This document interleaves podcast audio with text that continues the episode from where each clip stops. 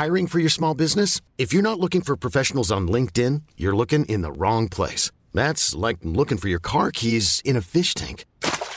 LinkedIn helps you hire professionals you can't find anywhere else, even those who aren't actively searching for a new job but might be open to the perfect role. In a given month, over 70% of LinkedIn users don't even visit other leading job sites. So start looking in the right place. With LinkedIn, you can hire professionals like a professional. Post your free job on linkedin.com slash achieve today. Hei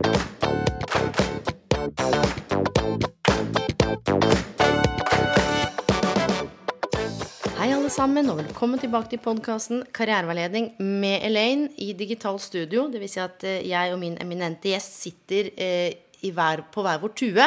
Det er ingen ringere enn eh, usedvanlige Gisle Helsten, leder ved Karrieresenter ved Universitetet i Oslo, som har frekventert podkastene aller mest mer enn noen annen gjest, og også en av de mest etterspurte. Det er jo ikke rart, han er Aftenpostens karriereekspert, og ikke minst en av de aller dyktigste lederne jeg noen gang har truffet. Han er litt mykere enn det han sier at han er, men det er ikke det vi skal snakke om nå. Temaet i dag er noe som for mange kan oppleves som ganske hardt og vanskelig. Det er nemlig lønn. Velkommen, Gisle, eller welcome back. Tusen takk. Det var litt av en intro. Jeg skal prøve å gjøre så godt jeg kan. Det viktigste vi kan gjøre, er vel egentlig å snakke om ting. Det pleier å hjelpe mye, det. Ja, og det er akkurat derfor du er på i dag. For ikke bare har du jobbet som leder i 16, 17, 18, 19, 20 år, du har også jobbet som leder eh, ved Karrieresenteret ved Universitetet i Oslo. Så ikke bare har du stått i egen lønn og andres lønn, men du har også møtt eh, tusenvis av studenter som også har lurt på lønn. Og la oss eh, begynne med hva er det som gjør altså Tenker du at det er så ullent eller så vanskelig at lønn er litt sånn tabu? Hva er det for noe? Nei, Det er et veldig godt spørsmål, for det, det, bør ikke være tabu. Altså, vi er veldig klar over at uh, en stilling skal belønnes. Uh, og Derfor bør det være en helt naturlig del å snakke om. Både om den lønna man har, uh, ikke nødvendigvis til alle, men til de som har noe med det. F.eks. Sjefen din, som du samtaler med. Så det bør være en helt, helt normal del av det å prate om hvordan det er å være arbeidstaker. Ja, og så tenker jeg at det er kanskje forskjell på hvor man er i livet, da. Eh, kanskje sånn du er nyutdanna. Eh, så kan det kanskje oppleves som litt vanskelig eller utfordrende å angripe det. Hva, hvordan skal jeg snakke om lønn i et jobbintervju? Eller hvordan, La oss starte med det ene spørsmålet som har kommet inn. Hvordan vet jeg hva jeg kan forvente i lønn, eller hva jeg skal be om? Og eller er det jeg som skal be om noe? Ja, Igjen veldig godt spørsmål, fordi eh, hemmeligheten her tror jeg ligger til å forberede seg veldig godt. Eh, forberedelser, forberedelser, forberedelser. Vit så mye som mulig før du går i eh, intervju, eventuelt i kontraktskriving. Fordi det er langt mindre hokus pokus med lønn enn det man kanskje skulle tro. Eh, så det å sette seg inn i eh, hva er det personer eh, med din utdannelse, din grad, din erfaring tjener, og da er det så fint. Det finnes hjelpemidler der ute. Eh, jeg må framstakke utdanning.no, som er så mye mer enn eh, utdanningsvalg. Altså Hvis du går inn og leker litt der, så vil du finne masse informasjon om gjennomsnittslønn, hva kvinner tjener, hva menn tjener, hva man tjener i heltid, deltid. Altså det, you name it, det er der. Mm. Og Da kan du jo sammenligne lønn også, pluss at du kan sjekke ut SSB, som har jo tall og statistikk på, på alt mulig, også innenfor lønn. Um, og en annen ting jeg tenker, og det er jo det å kunne snakke med andre også, da. Uten at det skal være førende, for det er jo noe med um, Noen kan jo starte på ulik lønn. Det kan man. Ja. Uh, men det er ikke så veldig vanlig at arbeidsgiver har veldig stor differanse mellom eh, to med like profiler. Det man kan gjøre, er å uh, ikke nødvendigvis stille spørsmål om hva tjener du, uh, men kanskje i, kjenner du til markedet, hvordan ligger det an, hva er det folk rundt kan forvente å få en type stilling som dette. Mm. Og så har vi en ting til som er uh, veldig viktig i denne saken. og Det er jo fagforeningene og deres fantastiske kompetanse på lønn og lønnsfastsettelse. Og ikke minst oversikt over hva medlemmer tjener. Deres uh, oppgave er eh, mange, altså fagforeningene, men en av dem er å sikre så gode betingelser som mulig for egne medlemmer. Og derfor sitter de også på masse informasjon. Mm.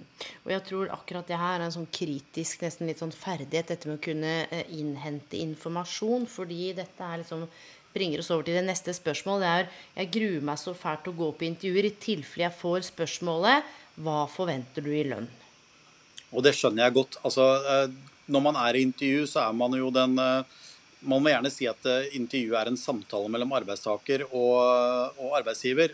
Og det er det jo, men, men, strengt tatt så er det noen som har litt mer makt og posisjon enn den andre. da. Mm. Den ene har noe, den andre skal få noe. Uh, men lønn bør være en naturlig samtale på et eller annet tidspunkt i prosessen. Men ikke nødvendigvis førstegangsintervjuet. Kanskje det også kommer som informasjon fra arbeidsgiver. Det beste tipset jeg kan ha akkurat der, det er eh, ikke la deg lure utpå med å navngi en sum.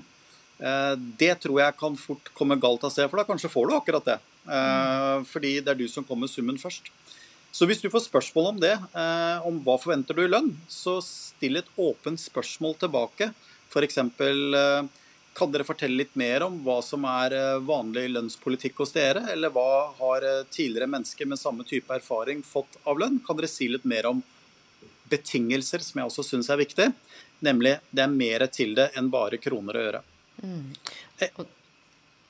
Ja, fortsett du. Ja, Eksempelvis så handler det om at en karriere det er for veldig mange noe man hopper litt frem og tilbake i. Noen ganger så går det opp, noen ganger går det til siden, noen ganger så er det fagkompetanse. Så det å stille spørsmål om hva slags etter- og videreutdanningspolitikk, kursmulighet, eh, er det hos dere? Vil det være mulig å bygge på med en eh, mastergrad innenfor økonomi hvis jeg skal den veien? Prosjektledelse. Det ligger masse i potten som en arbeidsgiver kan gjøre. Og så er det jo å gripe an litt den myten om at arbeidsgiver alltid ønsker å lønne medarbeidere lavest. Eh, og hvis man ser litt i avisene nå, så er det jo arbeidstakers marked. Og hva betyr nå det? Jo, det betyr vel egentlig at det er mange muligheter for arbeidstakere. Så arbeidsgivere ønsker å tilby en så god pott som mulig, helhetlig pott, slik at arbeidstaker ønsker å bli der. Ja, og jeg tenker du er inne på noe viktig nå. Liksom, å utvide det begrepet, definisjonen av hva lønn er. Altså? Du bytter penger mot tid, og så får du en slags lønnsslipp. Men det er akkurat det. Eh, det er jo andre ting du kan få i tillegg til. Det kan være en ekstra ferieuke, det kan være noe i forbindelse med barn, det kan være, som du beskriver, en utdanning. Kanskje det kan være et HMS-ansvar, eller noen andre ting som er på en måte med på at du utvikler kompetansen og bygger verdi da, for en fremtid. Husk skal tenke karriereplanlegging og karriereutvikling. Jeg tror nettopp det med at så mange gruer seg, er fordi eh, det virker så hemmelig, det virker så voldsomt, og penger er så Poenget er at eh, du skal jo også eh, vurdere om det er et sted du har lyst til å jobbe. Du skal jo også tenke sånn De får jo noe ved at de får meg. Mm. Så det er jo den der tangoen, jeg tror den kommunikasjonen også, det å faktisk tørre å stille åpne, nysgjerrige spørsmål tilbake, selvfølgelig hvordan man gjør det, tenker det kan også vitne om en sånn slags styrke og en trygghet og en ro i seg selv. da. For det er dette her som går inn hele tiden, at man gruer seg. Og akkurat det du sa, det er lyst til å løfte fram. Hvis de spør om en sum, så er det ikke sånn at du må svare på den summen, eller så er du ut. For det er jo en del spørsmål vi vet som de også ikke kan stille. Og dette her bringer meg eh, videre til et, eh, til et annet punkt her. Og det er, og du var inne på det, eh, tredje spørsmålet. Jeg har vært i første og annengangsintervju. Det er fortsatt ingen som har snakket om lønn. Kan jeg bringe det på banen? Eventuelt når? Eller skal jeg nå vente til å bli kalt Hva gjør jeg nå? Her finnes det ikke noe ett fasitsvar. Altså 40% ut i annengangsintervju stiller du spørsmålet. Det, det går ikke an å si det. Men hvis lønn ikke kommer opp, så kommer vi til et tidspunkt hvor man skal skrive en kontrakt. Eh, og da kanskje man kan be om et kontraktsmøte hvis arbeidsgiver ikke har tatt det opp. Eh, det er ganske normalt at arbeidsgiver tar det opp. Det er ganske normalt at det står i stillingsannonser. Og da er det viktig å kunne lese hva som står der. Altså Her er det forskjeller. Eh, I staten så er det veldig vanlig å prate om lønnstrinn og lønnsstige, en plassering der. Mens andre har såkalte konkurransedyktige betingelser. Hva betyr det? Hvilken konkurranse er det de sammenligner seg med? Hvem er det de anser at er naturlige konkurrenter for dem? Og snakke litt om det, hva det betyr, de litt sånn øh, vanskelige begrepene, da. Men hvis man går inn og øh, bare googler lett, altså statens lønnsregulativ, øh, lønnstrinn, hva det innebærer, så er det full oversikt over det. Så du vet utmerket godt hva startlønna er i den stigen, og, og hva øverste trinn er. Og da bør man egentlig eh, se på hva slags kompetanse man har, altså snakke litt om uh, hva man selv argumenterer for, slik man ikke blir plassert nederst. Mm. Og så tenker jeg Et viktig poeng her, eh, som i hvert fall mange nyutdanna, kanskje de skal over i en annen rolle, det er jo nettopp eh, det at det er jo lønnsforhandlinger kanskje en gang i året, da. Eh, og én ting er å tenke sånn ok, dette får jeg her og nå, her er startlønna. Men eh, kjære arbeidsgiver fremtidig, Er det noen utviklingssamtaler? Er det noen medarbeidersamtaler? Blir det en lønnssamtale? Det kan jo være noe å løfte fram det òg, eller? Ja, det syns jeg. Og i hvert fall i staten er det veldig vanlig. Og ikke minst i, i større virksomheter så er det egentlig prosedyre på dette. Dette skal skje. Men jeg syns jo det i en medarbeidersamtale, når man prater om, om, det meste, at man kan også touche innom dette her som handler om lønn. Be gjerne om en lønnssamtale, fordi det kan være noe annet enn en medarbeidersamtale. Eh, men et veldig godt tips er eh, en sjef har gjerne eh, mange ansatte under seg og ser ikke alle detaljene i hverdagen. Og så er det kanskje noen arbeidsoppgaver som er mer synlige enn andre, slik at arbeidsgiver da fort ser litt mer mot høyre enn mot venstre. Det er et sjansespill jeg ikke syns eh, en arbeidstaker skal tørre å gå inn på. Så mitt tips er vel egentlig at før du møter i en lønnssamtale, så bør du rett og slett sette deg ned, skrive, argumentere, vise, peke på hva du har medbrakt av merverdi til bedriften, resultater du har oppnådd, hvordan du er i eh, teamet sammen med de andre, kanskje hvordan du har skaffet kontrakter, gode relasjoner og sende det på forhånd til din eh, sjef, slik at de vet hva du selv mener. Og så har man et annet utgangspunkt enn at man kanskje kommer inn som litt anonym, kanskje litt usett. Mm. Og det vil være veldig lurt å gjøre, for da er det i hvert fall helt klart her er det noe som skal diskuteres. Ja, jeg tenker det er også smart. Det kan være små og store ting. Ting man ikke tenker over, ting som ikke står i beskrivelsen. Og det å ha en sånn liten egen CV i CV-en, i hvert fall være tydelig på å dokumentere hva man gjør, hva man har skapt av resultater, når man skapte de, hva som skulle til, det er jo supersmart uansett. Fordi det er et annet spørsmål som har kommet inn, og det er sånn eh, Hva hvis jeg eventuelt ikke skulle få den lønna jeg ønsker, da? Ikke sant? Eh, og så går jeg videre i, til en annen jobb. Hvis da jeg får spørsmål om hvorfor jeg slutter og da står det da Kan jeg si dette er som er ung, da, 24, kan jeg si at det er pga. at det ikke var nok lønn, eller bør man ikke si det? Ledende spørsmål der, fru Blum, så jeg velger ja. å si at man kanskje ikke skal bruke det som argumentasjon. Mm. Jeg mm. pleier å, å, si at uh, man skal alltid fortelle sannheten. Man trenger ikke fortelle alt alltid. Uh, og det betyr at uh, hvis man går til en ny arbeidsgiver, så er nok de ikke så happy hvis du bare gjør det for penga. Det sier noen ting om hva som er motivasjonen din, nemlig den pengesummen. Det går an å si noe om utviklingsmuligheter. Det går an å si noe om at man er lysten på å prøve noe nytt. Eh, det går an å si noen ting om at bransjen appellerer til meg. Eh, arbeidsmiljøet er kjent. Dette har du lyst til å være med på. Og det tror jeg også gjelder i lønnssamtalen. Da. Altså, når man skal inn i den, så er det ikke nødvendigvis bare lønn man skal snakke om. Det går også an å prate om det vi nevnte om betingelser, nemlig det om å få et etter- og videreutdanningstilbud. Men kanskje er det noen prosjekter som du vet kommer, som du har litt spesielt lyst på. Som du kan allerede nå melde inn. Vet du hva? Se på det jeg har prestert her. Det kommer jeg til å gjøre godt eh, også i framtiden. Men jeg er faktisk mer enn klar og motivert for å ta det neste steget. Og hvis man får det neste steget, så er det gjerne en hyggelig konsekvens at da får du også litt, litt mer i lønningsposen når man gjør det.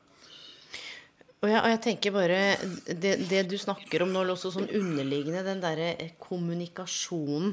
Eh, det der å ikke sitte på gjerdet og forvente at lederen din skal skjønne hva du tenker, eller sitte og føle at du ikke er av verdi, eller eh, sitte og tenke sånn Ja, men å, han og altså, det er noe med å ta ansvar for å sette ord på på en ordentlig måte og når det passer.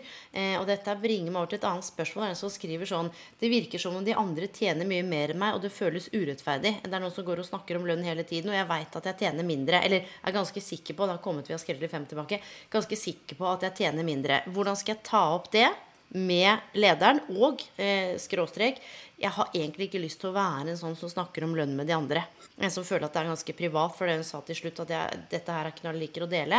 Så det ene er hvordan ta opp det at man tror at man tjener en god del mindre. Og nummer to hvordan komme seg ut av liksom eh, den klikken på jobb da, hvor man liksom eh, snakker om dette her. Ja, altså det, det aller viktigste her, at ta tak i situasjonen, for her er det tydeligvis noe som ikke oppleves som bra og rettferdig.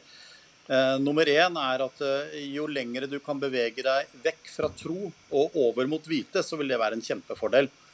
Eh, og Samtidig da, så kan man jo ta opp det da nettopp med en sjef i en medarbeidersamtale. det også, At du, du føler at du er for mindre penger enn de andre for likt utført arbeid.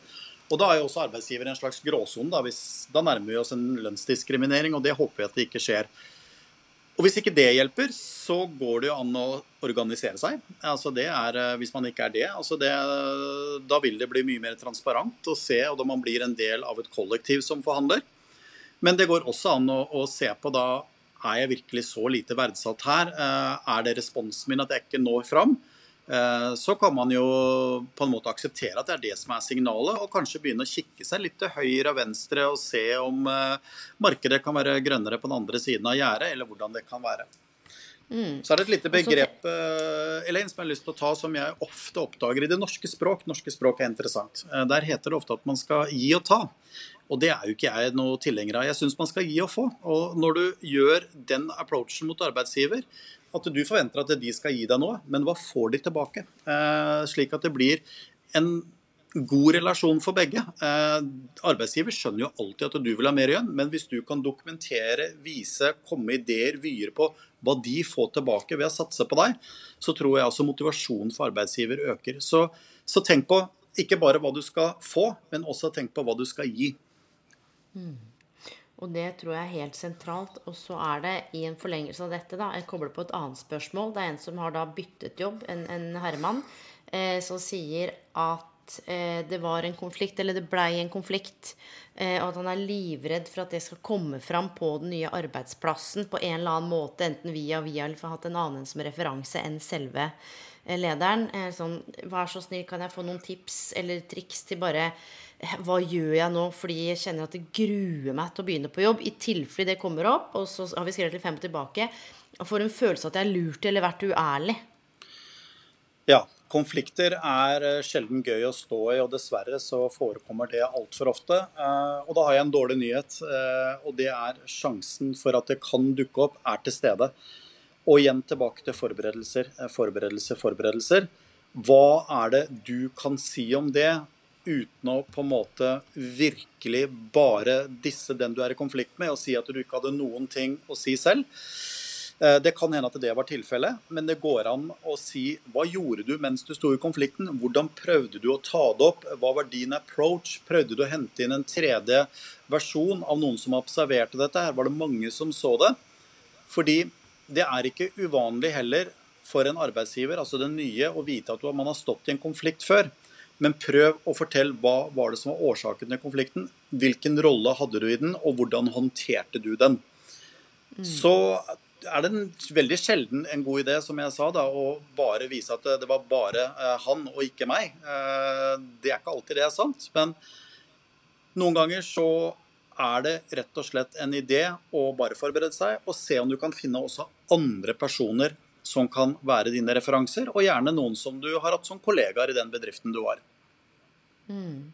Jeg tror det her er så viktig, og dette har jeg sett mange ganger hvis jeg har sittet i intervjuer eller hatt intervjutrening og rekruttert, og så snakker man at ja, men jeg oppfattes som lojal, og jeg er veldig ærlig og redelig og det ene og det andre. og så går det kanskje sånn 20 minutter down the line, og så kommer man inn på konflikter og spør ja, fy faen, arbeidsgiveren min han var ufin. ass, nei, det der, åh, for en, ikke sant? Så man på, på den ene siden fortalt at man er redelig og eh, ryddig, og så kommer det masse sånn gufs om den andre. Og det er, det er, jo to stories her. Den ene er jo vedkommende, eller han som har sendt inn, og så er det jo storyen til arbeidsgiver, og så er det kanskje der et sted i midten. Men det er nettopp det derre å um, trekke det tilbake til sånn type intervju, da, som, eller første langgangsintervju man trenger jo ikke hvelve ut alt. Og det handler om å liksom eie den delen av historien. Og det her bringer meg faktisk til et annet spørsmål som eh, Vi har jo spilt inn en runde av denne før, men lyden gikk jo gærent. Så da, nå skal du få et spørsmål som er litt annerledes, som jeg ikke tok opp sist. Ok. Er du klar? Vel, veldig sånn, klar. Nå tror, er jeg spent, jeg altså. Jeg har hørt det. Ja, jeg har ikke hørt akkurat dette før. Er du klar? Hei, eh, dette er kanskje litt rart, men jeg opplever og føler at jeg får mye mer lønn enn hva jeg egentlig ikke nødvendigvis fortjener, men sånn i forhold til det jeg gjør. Altså Ja, det står ikke i stil. Det er sånn kunne godt gjort 30% til. Eh, spørsmålet er ta det opp, lufte det, be om mer arbeidsoppgaver. Har det egentlig ganske komfortabelt. Kjeder meg bitte litt. Tjener fett. Ja. Ingen er like, og jeg skal ikke fortelle om du skal sitte stille i båten og ta penga og løp, som jeg ofte sier på tull. Eh, men eh, se litt på hva er det som egentlig er verdigrunnlaget ditt. Eh, folk har forskjellige verdier, og jeg syns det høres veldig hyggelig ut å sitte sånn halvstille i båten og bare penga renner inn. Det høres jo fint ut. Men så er det slik med oss mennesker da, at vi har en tendens til å kjede oss. Eh, det er en tendens til å kanskje gjøre det vi gjorde utmerket tidligere, gjøre litt venstrehåndsarbeid der. Og så handler det litt om hvor vil du? Altså Er du fornøyd med den situasjonen? Hvor ser du deg selv om ett år, fem år, ti år? Fordi hvis man blir for sedat og for av eh, Hva skal vi si, da? Eh, relaxed, som det heter på godt norsk. Så er man ikke så på hugget etter å søke nye muligheter, utfordre seg selv og kanskje da gjøre seg klar til å se hva andre muligheter er det som er der ute.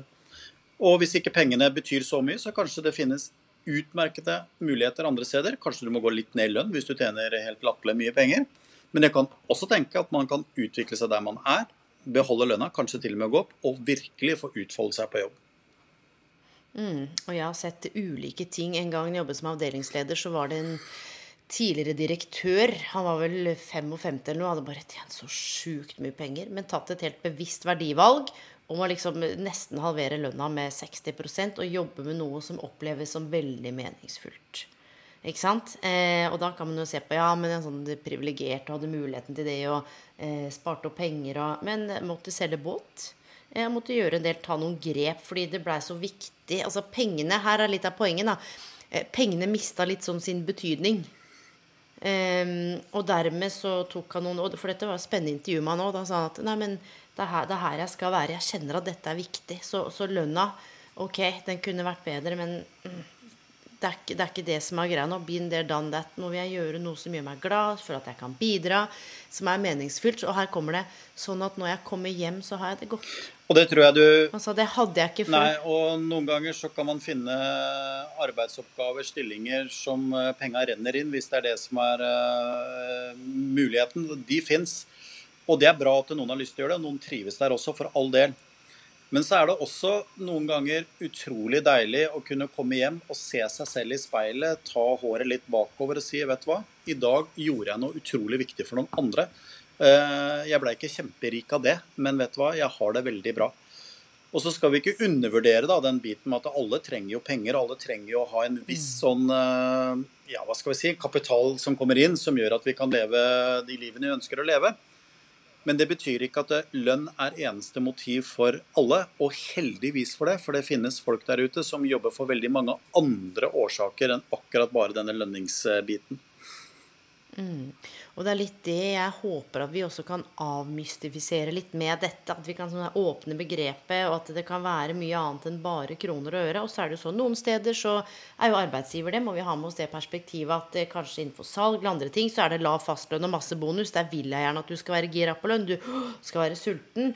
Um, og dette bringer meg over til det, et av de siste spørsmålene. Det er Hei, har fått to jobbtilbud usikker på hva jeg skal velge. Og dette vet jeg også du skrev om i Aftenposten, og det kan kanskje være for det har kommet inn i etterkant, som en sånn forlengelse av det.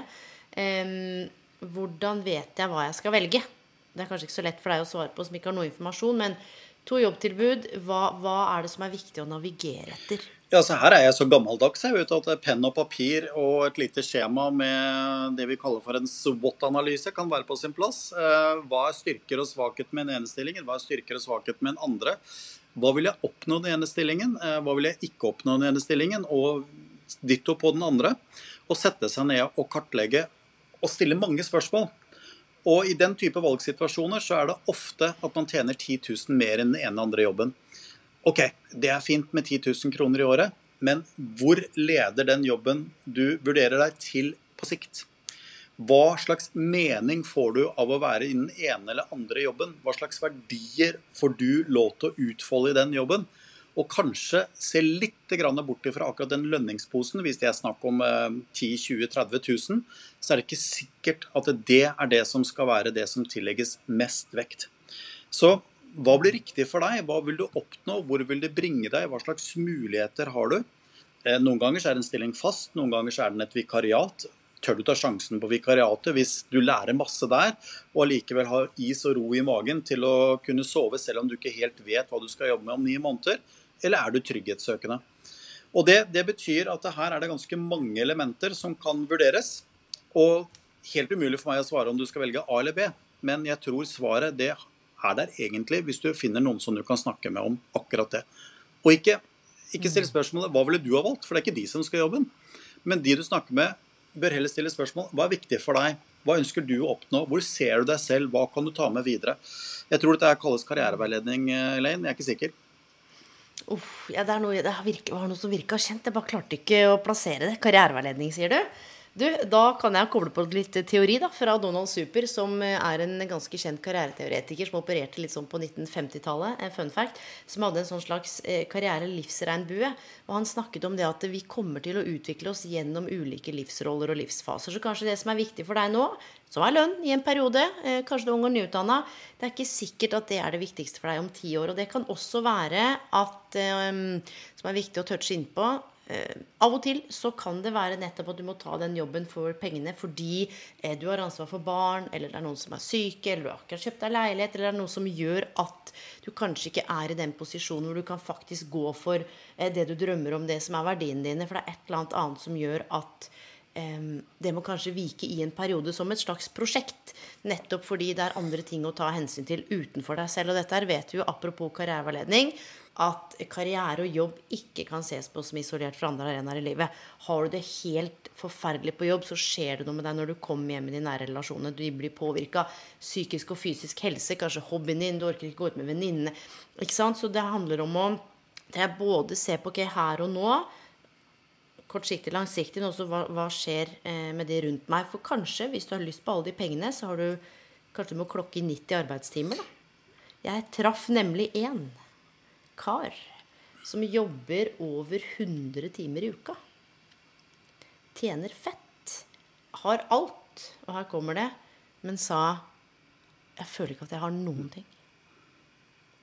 Det er også en sånn Oi, hva er det jobben eller lønna også Nå er vi litt sånn deep, men hva er det det også kan være sånn slags forsvarsverk mot, eller sånn substitutt for? Løpe, løpe, løpe masse penger. Og det han sa, og snakka sammen. Det var sånn hm, Da slipper jeg å ta stilling til hvordan eh, å være Eller da slipper jeg å ta stilling til hvordan jeg har det på de andre arenaene. Jobben er mm. alt. Og det er noe å tenke over for noen. Ja, det er klart det. Og så syns jeg det er viktig å sende et signal at det, det er helt ålreit for de lytterne som hører på dette her, og som har lyst til å bli rike. Altså go for the big money. Uh, det er helt lov. Mm -hmm. Eh, jeg jobba tidligere i et miljø hvor eh, det var mye penger. Eh, partnerne tjente mye penger. Og det som slo meg, det, det var at pengene de fikk de jo hver måned. Eller i hvert fall når det var bonuser osv.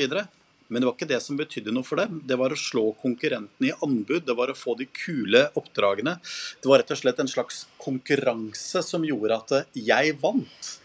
Og sideeffekten ved å vinne var jo masse penger, men det var ikke derfor det var in the game det var nettopp fordi det var en ekstrem konkurranselyst om å være de som var mest etterspurt, for de var de mest kompetente menneskene. Så dette med lønn, eh, hva skal vi si til det? Jeg tror de aller fleste av oss er glad i det. Jeg tror de syns det er fint at det kommer inn noe, slik at vi får noen bekymringer færre.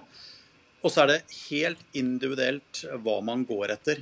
Og et supertips eh, til noen som har lyst til å tjene de virkelig store pengene der ute, det skjer ikke gjennom kontraktsmøter med arbeidsgiver hvor du avtaler en årslønn. Eh, de store summene det er å være den neste ja, den som finner opp Kahoot eller eh, netthandel, Oda osv. De som virkelig finner det. Og så er det sånn at Avisene de skrev om de eh, 1 som lykkes. Eh, som det må være mye risikovilje her også for å gå den veien, men det er en mulighet. Mm. Ja, og det er sånn, Nå beveger vi oss mot slutt. Jeg tror jeg har lyst til å si to ting. og Det ene er sånn, ok, lønn, penger, betingelser. Så er det noe med nettopp hva som er viktig å stoppe opp og tenke sånn, ok, hva gir det meg å tjene de pengene? Hva, hva kan jeg gjøre med de? Fordi av og til for noen eh, For jeg snakka med en en gang. Jeg hadde et karriereveiledningskurs etter et par år siden. Og så snakket vi om hva som var viktig for oss. Og så sier han ene lønn, og så ler alle sånn. for de andre var ikke sant, omsorg, bidra. Eh, mm, så sier han lønn. Og så lo de, sa sånn Hei, vent litt. Hva, fortell meg, hva, hva, er det som gjør at det er viktig? Hva vil de da? Nei, men da, da, kan jeg reise. Ok, men hva er, det, hva er det med dette å reise? Så sa vet du hva, vi hadde ikke noe penger da jeg vokste opp. Kunne aldri reise. Eh, jeg har lyst til å tjene penger sånn at jeg kan ta med mamma og mm. pappa. Jeg har lyst til at de skal få oppleve verden. Penger for meg sånn er frihet, og ikke fordi at nå skal jeg kjøpe alt og være helt vill og bil og klokke. ta med moren og faren min på noe de aldri har fått oppleve. Noe aldri jeg Han sa derfor så vil jeg ha en jobb med masse penger. Ikke sant? Så, og da blei du helt stille og så sånn Ok, her, her er det noe. Så det der å forstå hva de pengene handler om, eh, og stoppe og spørre seg ja, hva, hva er den lønna for noe hvis du står overfor valg av jobb eller karriere eller kontrakter. Og det andre jeg har lyst til å si, det er et spørsmål som har kommet inn som jeg ikke vet om, om eh, du har noe sånn Oi, her, her, dette her er Men det er en som skriver Hei, eh, vet at det er podkast om lønn. Jeg driver for meg selv. Syns det er sjukt vanskelig å prissette meg selv eller tjenestene mine som selvstendig Mm. næringsdrivende.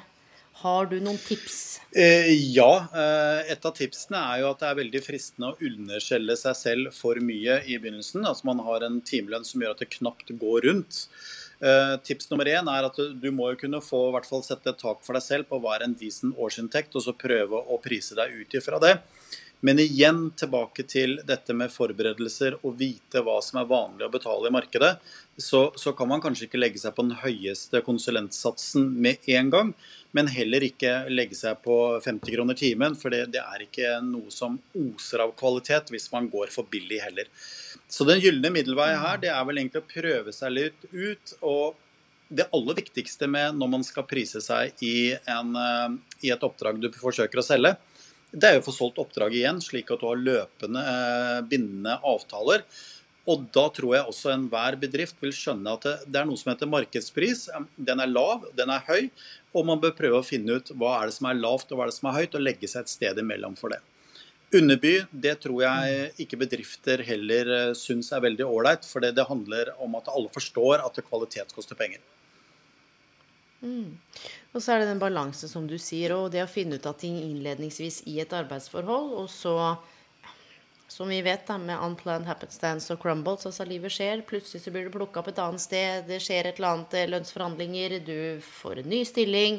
Og så er det ting man også kan ta ansvar for selv. Og jeg tror noe av kjernen, i hvert fall det jeg har lyst til at folk skal sitte igjen med, det er eh, løsne opp litt på det begrepet, knuse noen myter, og, så, og ta ansvar for hvis det er noe du går og bærer på, tenker på, kjenner på det. Ta det opp, snakke om det på en ordentlig måte i den riktige tjenestelinja, så ikke man går og gulper på kontoret eller skaper dårlig stemning fordi «Å, fy faen. Ikke sant? Ja, og igjen, eh, det er muligheter å, å hente informasjon her. Altså hvis man, La oss si at denne personen som stiller dette spørsmålet, er eh, selvstendig innenfor kommunikasjon. eh, Selger kommunikasjonstjener på en eller annen måte. Kommunikasjonsforeningen ville vært et sted å henvende seg til og finne ut hva, hva er det som er gjengs markedspris nå. Hva vil dere si er en lav pris og en høy pris? Eh, Det går an å ta kontakt med LinkedIn. Kanskje kjenner du noen som, som er i bransjen eller har vært i bransjen. Eh, kanskje noen du gikk på skole med, var i militæret med, var russ med, jobber nå som innkjøper av den type tjenester. At det går an å rett og slett be om informasjon. Hva vil du synes var veldig høyt, hva vil du synes var veldig lavt? Og forsøke å innhente informasjon om hvor er, eh, hvor er det markedet ligger hen her.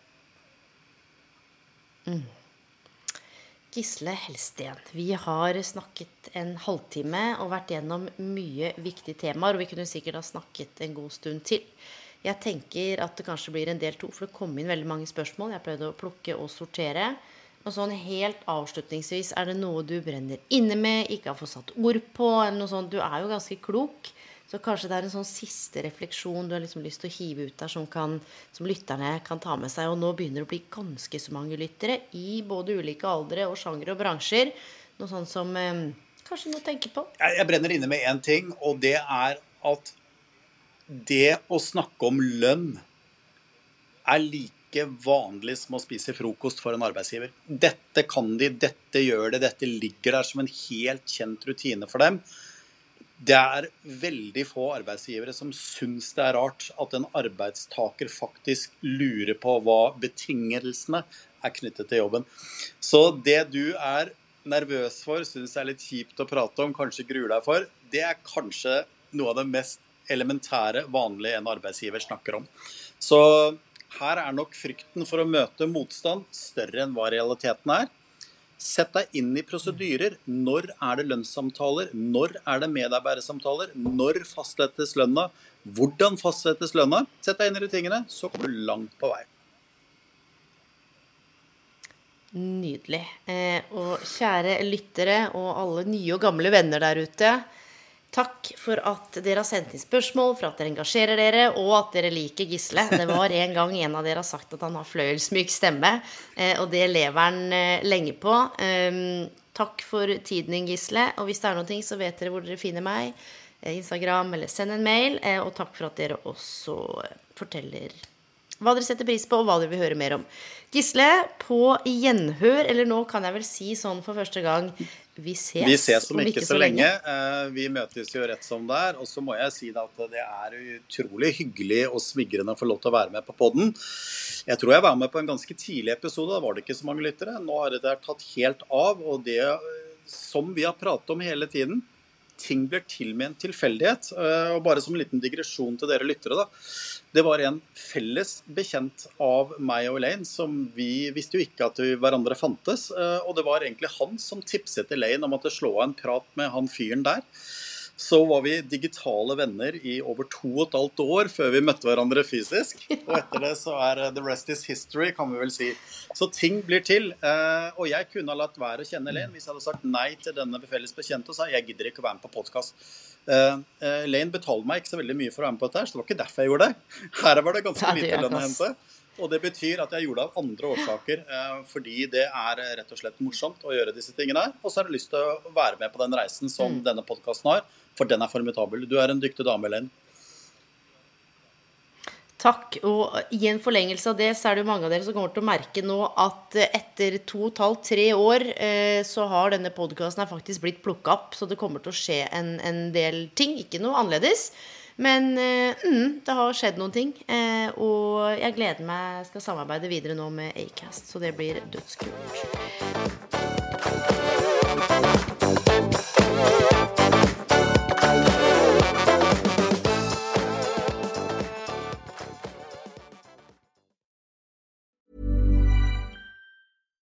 My business used to be weighed down by the complexities of in person payments. Then, Tap to Pay on iPhone and Stripe came along and changed everything. With Tap to Pay on iPhone and Stripe, I streamlined my payment process effortlessly. Now I can accept in person, contactless payments right from my iPhone. No extra hardware required. What's truly remarkable is how I can cater to all of my customers' payment preferences. Whether they're using cards, Apple Pay, or other digital wallets, Tap to Pay on iPhone and Stripe ensure a smooth checkout experience every time. And it's not just me. Stripe helps businesses of all sizes, from local markets to global retailers, scale quickly and stay agile. To learn how Tap to Pay on iPhone and Stripe can help grow your revenue and reach, visit stripe.com/tapiphone. Ever catch yourself eating the same flavorless dinner 3 days in a row, dreaming of something better? Well, HelloFresh is your guilt-free dream come true, baby. It's me, Gigi Palmer. Let's wake up those taste buds with hot, juicy pecan crusted chicken or garlic butter shrimp scampi. Mm. Hello Fresh. Stop dreaming of all the delicious possibilities and dig in at HelloFresh.com. Let's get this dinner party started.